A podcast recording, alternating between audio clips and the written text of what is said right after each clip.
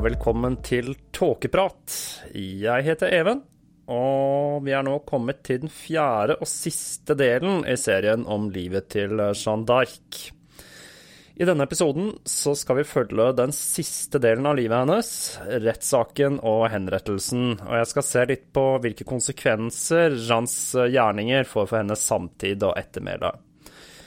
Jeg har forsøkt å begrense meg litt i gjengivelsen av utspørringene av inkvisisjonen. For etter å ha lest eh, denne saken eh, ganske mange ganger, så er jeg ganske mett på kristenlogikk anno 1400. Eh, jeg har også valgt å begrense meg litt i oppsummeringen av den siste delen av hundreårskrigen. For akkurat som i perioden før Jean kom på banen, så er dette en epoke fylt med intriger og maktkamp, men jeg føler at mye av denne historien ikke er relevant for å tegne et korrekt bilde av eh, Jean. Og da fortsetter vi historien, og begynner på det siste mørke kapitlet i den nå 18 år gamle Jeans liv.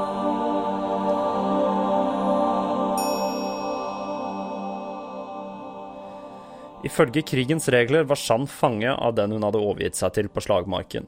I dette tilfellet så var det Jeanne de Luxembourg som fører henne til slottet sitt i Borly-le-Fontaine, 2,7 mil nord for Compagne.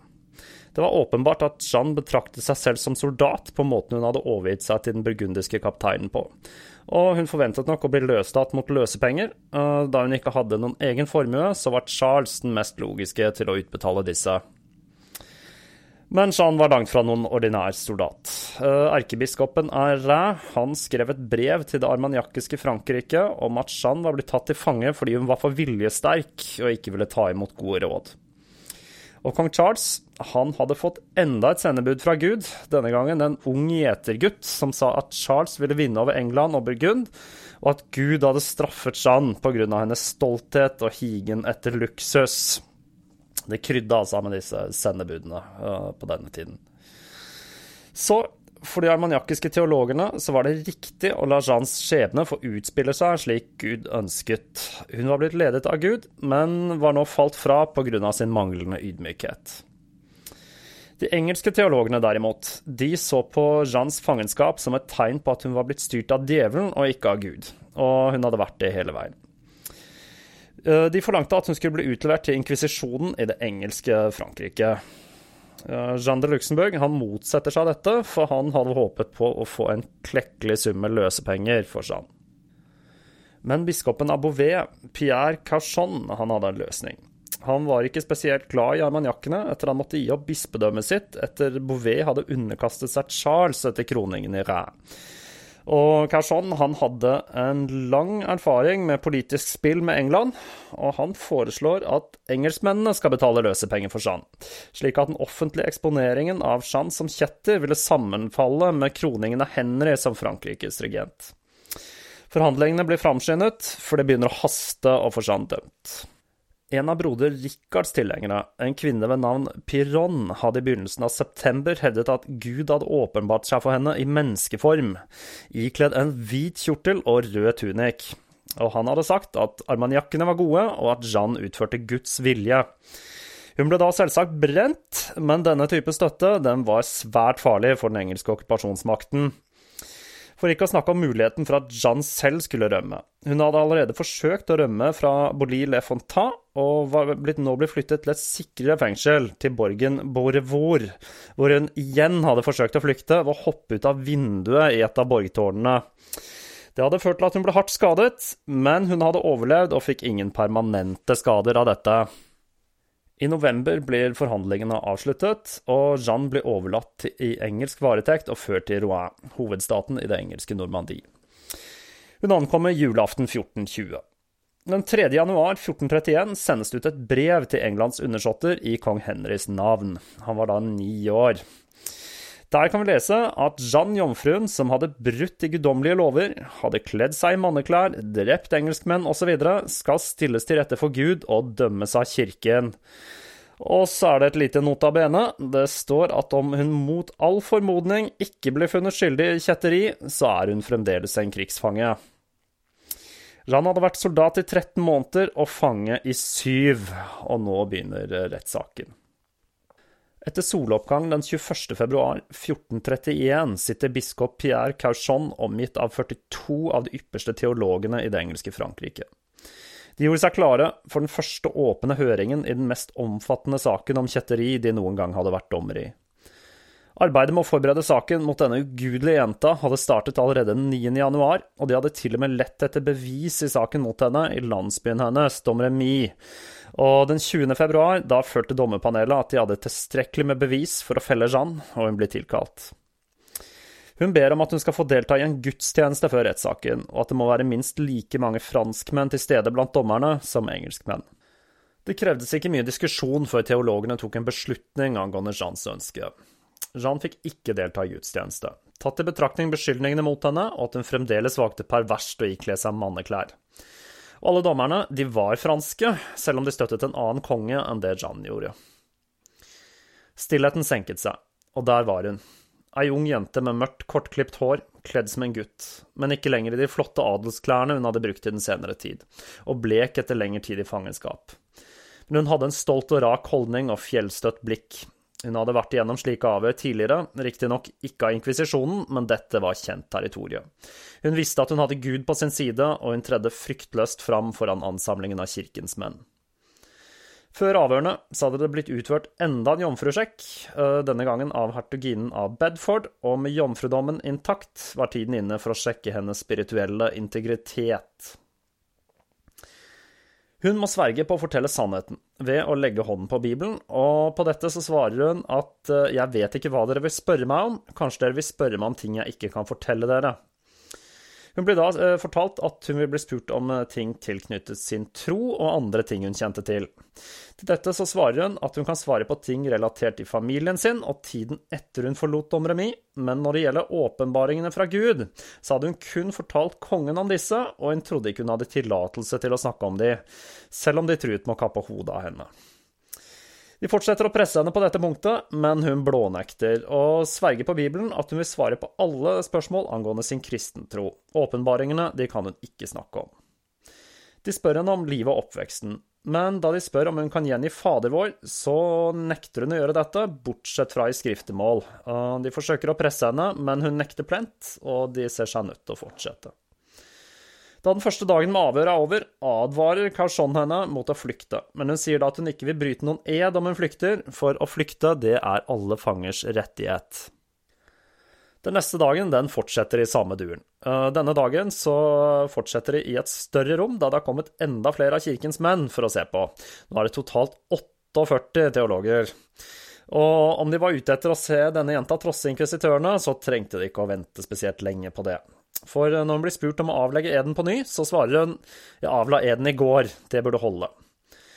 Og da de presser henne for å få henne til å sverge, så sier hun dere sliter meg helt ut. Denne dagen så var det teologen Jean Bapperet som skulle lede saken, og idet han skal begynne å snakke, så setter Jean blikket i han og sier hvis du visste hvem jeg er, så skulle du ønske jeg ikke var her. Jeg handler kun i henhold til hva som har blitt åpenbart for meg. Barper han begynner å gå gjennom livet hennes, og han forsøker å legge feller i form av spørsmål som eh, var det riktig å angripe Paris på en helligdag, osv. Og, og til slutt så får han svar på noen spørsmål om stemmen hennes. Han spør annet om hvilken side kommer de fra, hvor ofte hørte hun dem, hvor mange er de, osv. Det er endeløse spørsmål på vanlig inkvisisjonsvis, altså. Men når det gjelder spørsmålet om manneklær, så nekter hun å svare på dette. To dager etter dette avhøret så fortsetter de, denne gangen med 62 teologer. Det blir stadig flere. Og denne gangen så vil ikke Jeanne sverge eden uansett hvor mye de presser henne. Nå sier hun 'jeg har sverget to ganger, og det er nok', og hun gir seg ikke. Spørsmålene om stemmene de fortsetter, og hun forteller at hun fremdeles hører de, og at de snakker til henne når hun sitter fanget. Eh, de har fortalt henne at Gud skal hjelpe henne og hun henvender seg til biskopen. Du sier at du er min dommer, vær varsom i dine valg, for jeg er i sannhet sendt av Gud, og du utsetter deg selv for stor fare. De fortsetter å presse Jeanne. Så hun noe når hun hørte stemmene? Var det engler, eller kom det direkte fra Gud? Fortalte de henne at hun kunne rømme? Kunne hun kanskje fortelle noe mer om det lys hun hadde sett? Og hvilken side kom de fra igjen? Og mot slutten av dagen så drar teologene fram historien om fetreet i Domremy. De spør om hun danset rundt treet og ofret blomsterkranser til feene. For som teologene visste, så fantes det ikke feer, det var nemlig overtro, men feer, de var demoner i forkledning. Men Jeanne hun svarer at hun kun lagde blomsterkranser til jomfru Maria, og at hun aldri hadde danset rundt treet, kun i nærheten av det. Dessuten så hadde hun aldri sett noen feer der. Og til slutt så spør de om hun ikke vil ha en kjole. Til dette så svarer hun at om dere gir meg en, så vil jeg ta imot. Uh, hvis ikke, så er jeg fornøyd med de klærne jeg har, siden det behager Gud at jeg går med de. Avhørene de fortsetter på samme måte, uh, med to dagers mellomrom og to ganger til. Og spørsmålene hagler, og de forsøker sitt ytterste for å finne hull i historien hennes. Transkripsjonen av disse avhørene de gir en god innsikt i tankegodset som drev inkvisisjonen, hekseprosessene og den bunnløse idiotien som kirken forfektet for å ta knekken på kjetteri og andre forbrytelser mot kirken. Teologene de trekker seg tilbake for å studere bevisene, og Jeanne blir fengslet i én uke før hun får besøk av biskopen og sju andre teologer i cellen sin. De forsøker å få Jant å fortelle hva slags tegn hun hadde vist til kongen. Var det kanskje en fysisk gjenstand? Var det gull eller edelstener?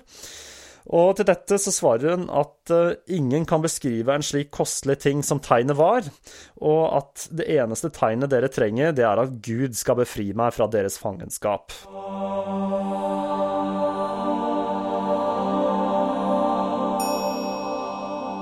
Jeanne har det tøft i cellen, og i denne perioden, hvor hun sitter fastlenket i uke etter uke, omgitt av fremmede menn, så blir hun utsatt for både voldtektsforsøk og diverse overgrep. Og avhørene av henne de fortsetter, og en dag så, så sprekker det for henne, og hun forteller hva hun så den dagen hun møtte Charles for første gang. Hun forteller prestene at hun hadde sett en engel som hadde brakt Charles en briljant krone av gull, som var så fantastisk utført at ingen jordisk gullsmed kunne ha laget den. Omgitt av myriader av engler, noen med vinger og noen med kroner, og med Sankt Katarin og Sankt Margaret ved sin side, ga engelen kronen til biskopen Narin, som igjen ga den til kongen. Her er tegnet ditt, hadde Jeanne sagt til Charles, og engelen hadde sagt at dette var et tegn på at Jeanne skulle hjelpe Charles til å ta tilbake den franske tronen. Avhørene i cellen fortsetter, og de forsøker å finne ut om hun forsøkte å ta selvmord da hun hoppet ut av tårnet for å flykte, presser henne ytterligere om manneklær, og igjen om angrepet mot Paris på en helligdag. Eh, den 18. mars så bestemmer de seg for at tiden er inne for å lage et utkast til en tiltale mot Jan.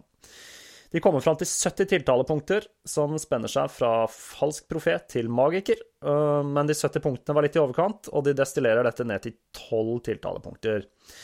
De konkluderer med at åpenbaringene til Jeanne var enten fabrikkerte eller kom fra onde ånder, og at hun var blasfemisk og en kjetter. Igjen så besøker biskopen cellen og forteller om konklusjonen de har kommet frem til. Men han sier det ikke er for sent å underkaste seg kirken, men Jeanne sier igjen at livet hennes er i Guds hender. Og den 2. mai så blir Jeanne hentet til cellen og ført foran panelet med teologer, langt tynnere og blekere enn første gangen hun ble ført fram foran dem. Og hun får tiltalen lest opp. Vil hun underkaste seg kirken og angre sine synder? Jeanne svarer. Mine ord og gjerninger ble alle utført med Guds vilje. Hun blir da fortalt om at kirken selv ikke kunne ta liv, så det var andre instanser som straffet kjetteri med ild. Hun svarer da at hun ikke ville svart annerledes om hun hadde stått foran bålet. Hun blir igjen advart, og da de spør om hun forstår at dersom hun ikke underkaster seg, så vil hun bli brent. Hun ser på dem med trassige blikk og svarer, dere vil ikke gjøre det dere sier mot meg, da vil dere angre med kropp og sjel. Igjen blir hun ført til cellen sin. Og etter enda en uke blir hun hentet ut og ført til et rom hun ikke har sett før. Biskopen og ti andre menn venter på henne der. Rommet var et torturkammer, fylt av tenger, kniver, klemmer og alle torturinstrumentene som ble brukt i avhør. Hun blir fortalt at de har forsøkt å vise henne kristen kjærlighet, men hun hadde løyet igjen og igjen, så nå var tiden inne for å torturere henne tilbake på den smale sti. Hun betrakter torturredskapene og ser på gruppen med menn og sier, Hvis dere river meg i stykker og separerer sjelen og kroppen min, så vil jeg ikke fortelle dere mer enn jeg allerede har sagt. Og dersom jeg skulle si noe mer, så kan jeg alltids fortelle at dere tvang fram tilståelsen med tortur. Dette er da et veldig godt argument mot tortur som metode for å tvinge fram tilståelser. Videre så fortsetter hun å fortelle at eh, Gabriel hadde kommet til henne et par dager tidligere. Hun visste det var Gabriel, for stemmen hadde fortalt henne at det var Gabriel. Hun hadde da spurt om eh, hun kom til å bli brent, og stemmene hadde svart at Gud skulle hjelpe henne. Gabriel det er da en engel som blir omtalt både i Gamle og Nye testamentet, og er forbundet med diverse åpenbaringer, eh, både i jødedommen, kristendommen og islam. Han dukker for så vidt opp i andre religiøse tekster òg, som i Enoks bok. Mennene så på hverandre. Om de ikke kunne knekke henne med tortur, så kom de fysiske skadene på kroppen hennes til å gjøre mer skade enn nytte i rettssaken, som allerede var svært omdiskutert, og Jeanne hun slipper unna torturen. Hun måtte vente ytterligere to uker før det skjedde noe mer i saken. Den 23. mai blir hun igjen ført ut ifra cellen sin, og denne gangen til et nytt rom hvor biskopen og viseinkvisitøren Jeanne Lamé satt omgitt av ni teologer samt en rekke prester. De hadde med seg den unge og fremadstormende teologen Pierre Maurice fra universitetet i Paris, og han skulle gå gjennom anklagen mot Jean. Han gikk gjennom de tolv punktene og viste på hvilke måter Jean hadde trosset kristen lov, fra visjonene til det påståtte selvmordsforsøket, om hvordan hun hadde brutt de ti bud ved å forlate sin far og mor, og hvordan hun hadde blitt frafallen ved å vende kirken ryggen. Etter gjennomgangen av tiltalen ber de igjen Jeanne om å underkaste seg kirken for å redde sjelen sin. Hun sier, jeg står ved alt jeg har sagt. Om jeg står ved bøddelen med fakkel i hånd, om jeg så skulle være på bålet, vil jeg ikke endre forklaringen min. Jeg er villig til å dø for min overbevisning. Den neste morgenen blir hun ført fra slottet til klosteret Saint-O i midten av byen, hvor hun skulle motta sin dom på et podie de hadde bygget for anledningen på den lokale kirkegården. Biskopen og viseinkvisitøren var til stede, i tillegg til biskopen av Winchester, Henry Beaufort og alle innbyggerne i byen som var kommet for å se kjetteren bli dømt. Igjen ber de henne underkaste seg kirken, men hun står på sitt. Hun sier at alle hennes handlinger hadde vært utført på Guds kommando, men nå sier han, hun at hun er villig til å underkaste seg Den hellige far i Roma. Og det gjør at eh, biskopene og teologene får seg en liten støkk. For eh, om de skulle legge fram denne saken for paven, så ville rettssaken drøye ut i det uendelige, og de visste at saken de hadde, den var bygget på tynt grunnlag. De avfeier forespørselen og begynner å framsi dommen. Jeanne ser på mens de begynner på tordentalen som skal dømme henne til døden. Tiden var i ferd med å renne ut. Hun avbryter dommerne. Jeg underkaster meg. Jeg underkaster meg kirken, sier hun igjen og igjen. Forskrekkelsen sprer seg gjennom menneskemengden. Jeanne Missot spør henne. Tilstår du de forbrytelser du har begått, og sverger på at du aldri vil begå det igjen, ved den allmektige Gud og hans skrifter? Jean sverger, og hun skriver under tilståelsen de gir henne. Og dommen blir endret. Hun skal ikke brennes, men hun dømmes til evig fengsling. Hun blir ført tilbake til cellen sin, hvor hun nå blir ikledd en kjole, og de barberer hodet hennes som et tegn på skam og underkastelse. Biskopen var fornøyd. Riktignok var mange opprørt over at Jeanne ikke ble dømt til døden, men hun hadde tilstått sine synder, og tilstått at hennes handlinger ikke var veiledet av Gud, og det var det viktigste. Hun skulle tross alt råtne i et engelsk fengsel, og alt var såre vel. Tre dager senere blir biskopen tilkalt til slottet igjen. Noe var galt. Da han og følget kommer inn i cellen til Jeanne, så ser de straks hva som har skjedd. Det var ikke den bleke, stakkarslige, skamklipte jenta de så, men klærne hun hadde på seg. Hun var igjen kledd i manneklær. De spør henne om hva som har skjedd, og de får et stotrende svar om at hun fant det mer passende siden hun var omgitt av menn, og om de ville sende henne til et kloster eller en annen plass der hun var omgitt av kvinner, så kunne hun gjerne gå i kjole. Det er litt uklart hva som egentlig skjedde her, men eh, den mest sannsynlige forklaringen det er at vaktene hennes de hadde kledd henne naken og lagt igjen manneklærne som da de eneste klærne hun hadde å bruke. De spør om hun hadde hørt stemmen igjen, og hun nikker. Hun fortalte at uh, hun hadde fordømt sjelen sin for å redde livet sitt. Tilstålen hennes hadde vært løgn, og hun var virkelig sendt av Gud, og alt hun hadde fortalt før, det var sant. Biskopen og teologene de tar et siste møte. Det var ingen tvil. Jenta hun var frafallen og en kjetter, og kirken kunne ikke ta videre ansvar for henne. Hun skulle overlates til det sekulære rettsapparatet for gjennomføring av straffen. Dagen etter, mens rettestedet blir klargjort, så spør de henne en aller siste gang om visjonene og stemmene. Hun svarer forsiktig at hun hadde fortalt sannheten. Om det var gode eller onde ånder, så hadde de åpenbart seg akkurat slik som hun hadde fortalt. Men når det gjaldt engelen som hadde gitt Charles kronen, så var det ikke helt slik hun var blitt presset til å fortelle i avhørene. Det var hun som var engelen, fortalte hun, og kronen hadde vært løftet hun ga ham. Hun får ta en siste nattverd og et siste skriftemål før hun blir ført ut til rettestedet. Hun blir påsatt en hatt med ordene 'kjetter, frafallen og avgudsdyrker' skrevet på, og hun blir ledet opp på stabelen med ved og holdt fast av et par engelske soldater mens hun blir bundet i staken. En prest holder en preken, etterfulgt av biskopen, som igjen leser opp tiltalen. Jeanne, som kaller seg jomfruen, er skyldig i å avvike fra kristen doktrine, avgudsdyrkelse, påkalling av demoner og mange andre forbrytelser.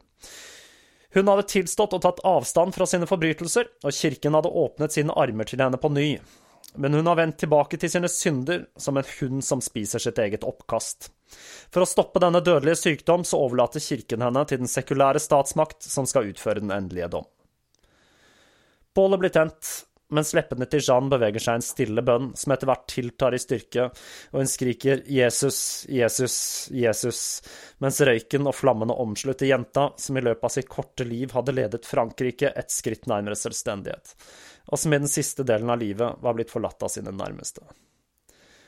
Da Jeanne er død, så drar de liket ut av bålet, slik at alle kan se at hun virkelig er død, og at hun kun var et menneske, før de hiver henne tilbake for å brenne henne til aske så ingen skulle ha muligheten til å skaffe seg relikvier. Asken fra bålet blir dumpet i Seinen, så alle spor av Jeanne skal bli utslettet for alltid.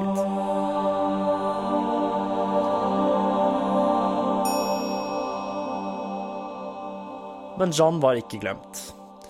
Mens hundreårskrigen raste videre, levde historien om jomfruen som var sendt fra Gud i beste velgående, og ryktet hennes det vokste for hvert år som gikk. Hun fungerte som en slags frontfigur og moralsk støtte for det okkuperte Frankrike. I Orléans så fortsatte de å feire dagen den 8. mai som dagen da Jeanne frigjorde byen. Og Gilderé han setter opp et storslagent skuespill om Jeannes liv i 1435, fem år før han selv ble dømt til døden for en rekke bestialske barnedrap. I 1435 så deserterer hertugen av Burgund til Charles og undertegner en traktat som overgir Paris til kongen. Philip dør kort tid etter dette. Det franske militæret det utvikler seg både strategisk og teknologisk i årene som går, og det blir sagt de hadde det beste artilleriet i verden, og hæren består nå av flere og flere yrkesmilitære. Og Englands posisjon blir sakte, men sikkert svekket. I mai 1436 så dukker det en ny mørkhåret ungjente opp. Hun utgir seg for å være Jeanne, og hun får en rekke følgere og blir verifisert som den ekte Jeanne, annet av Jeannes brødre. Hun går også i manneklær og rir på hest, og denne personen hun lager seg en hel liten karriere av å etterligne Jeanne. Hun gifter seg med en velstående ridder uh, som het Robert de Amoy, og hun drar til Orléans, hvor hun blir tatt imot som en helt og gitt uh, masse gull for å ha befridd byen. Men i 1440 så blir hun erklært som en bedrager av universitetet i Paris, og hun forsvinner fra offentligheten. Den 10. november 1449 rir kong Charles inn i Rouen, byen som hadde vært Englands hovedsete i Frankrike i mer enn 30 år. Med Joyce ved sin side og hesten drapert med dekken med Floyd de Lis og banneren til Sankt Michael hevet høyt, rir han inn i byen. Han stoppet ved Notre-Dame for å takke Gud for den seieren som var blitt skjenket ham. Han var ikke langt unna elven der asken fra en 19 år gammel jente hadde blitt kastet 20 år tidligere. Han ba en bønn, men seieren rant stille forbi. I februar 1450 snakket Charles for første gang om Jeanne, og han tar initiativet til å åpne saken på ny for å se om det var blitt begått noen feil i rettsprosessen. Det var Gilliam Bouil som fikk i oppgave å starte gjennomgangen av saken. Han hadde vært dommer i den opprinnelige saken mot Jeanne, men han var lojal mot Charles, og nå som det viste seg at Jeannes spådom om at Charles var den rette regenten i Frankrike, så måtte man sette ting i et annet perspektiv.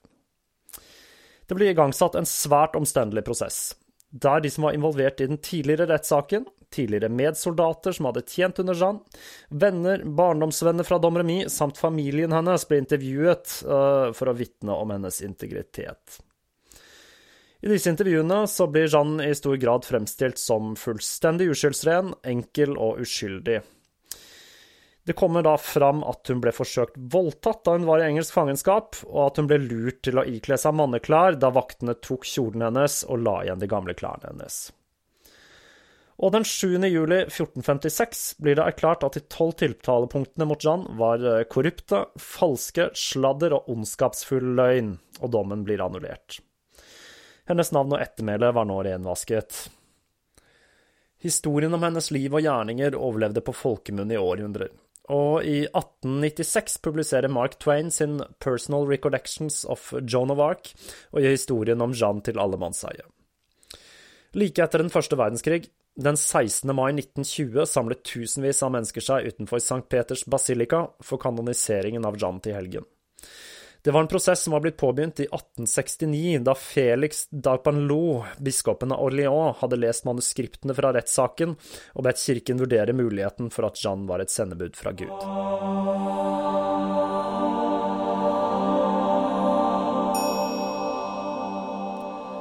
Og da er vi kommet til veis ende i denne serien om Jeanne d'Arc. Jeg håper jeg har klart å kaste litt lys over Jeans liv, um, som en ekte person, og ikke bare som en helgen. Historien hennes er et veldig godt eksempel på hvordan en rekke tilfeldigheter kan gjøre at én enkelt person kan endre historiens gang.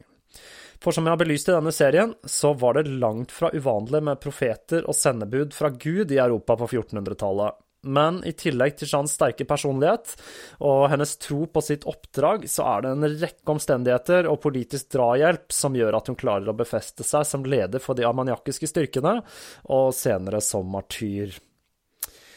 Hele fortellingen om Jeans liv den er i stor grad basert på visjonene hennes, og som jeg har sagt tidligere, så føler jeg meg ganske sikker på at hun hadde visjoner og hun hørte stemmer.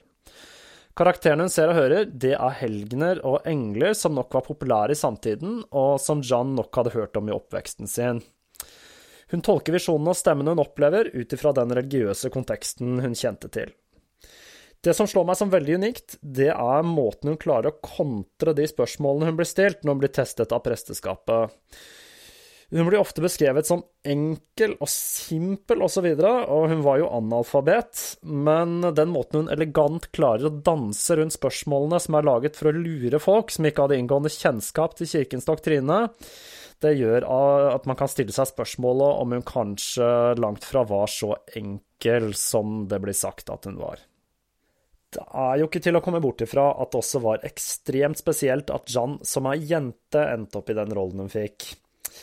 Ikke det at det er noen mangel på sterke kvinneskikkelser i denne historien. Vi ser jo f.eks. at Jolande av Aragon hun styrte nok Charles i langt større grad enn han var klar over selv.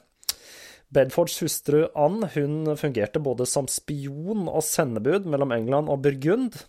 Og dronning Isabeau hun hadde så stor politisk innflytelse at hun til slutt ble sendt i eksil. Men disse damene de holder seg i bakgrunnen, og de styrer med politikk Jeanne på den andre siden, hun setter seg selv i en ekstremt risikabel posisjon ved å være frontfigur for den franske armeen med kun sin påstand om at hun var sendt fra Gud å støtte seg på. Dette gjorde nok at det var enkelt å vende henne ryggen straks hun begynte å møte motgang, først i Paris og senere når hun blir fanget i Compain. Fortellingen om Jeanne kommer til å overleve i generasjoner, og forbli en kilde til inspirasjon og fascinasjon for mange. Som Mark Twain skrev, å tro at du er modig, er å være modig. Det er det eneste som gjelder. Det er synd hun selv aldri fikk oppleve slutten på okkupasjonen av det Frankrike hun kjempet og døde for. Frigjøringen av Orléans er blitt feiret årlig siden Jean drev engelskmennene på flukt. Og den markeres med en festival den første uken i mai hvert år, og denne tradisjonen den vedvarer til den dag i dag, 600 år etter hendelsene fant sted. Hun feires også med sin egen helligdag den 30. mai. Og da gjenstår det bare å si på gjenhør.